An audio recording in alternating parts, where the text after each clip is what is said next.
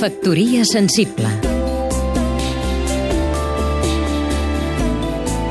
Emili Rosales, escriptor i editor Vaig tenir el privilegi de ser alumne d'Antoni Maria Badia i Margarit a la Facultat de Filologia de la Universitat de Barcelona.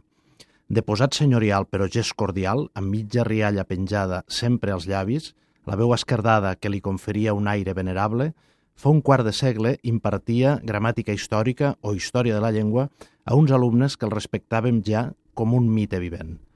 Badia i Margarit és de l'estirp dels homenots de la filologia del segle XX, Pompeu Fabra, Joan Coromines o Martí de Riquer. Tornava sobre algun aspecte dificultós de la matèria amb passió i amb saviesa, amb voluntat d'ordre i claredat. Confiava en la capacitat de la ciència filològica per analitzar, ordenar i mostrar – però era ben conscient que aquesta branca del saber, la lingüística, estava indissociablement lligada a la vida canviant, al batec de les societats vives, a la contradicció. I així, la dialectologia o la sociolingüística no li van ser alienes. Aquests dies es parlarà de la passió que hi va esmerçar, del compromís sostingut, sens dubte.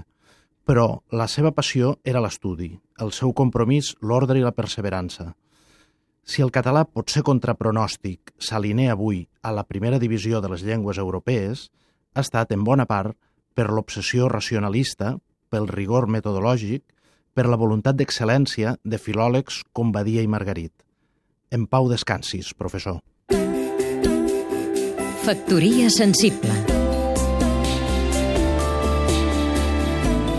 Seguim-nos també a catradio.cat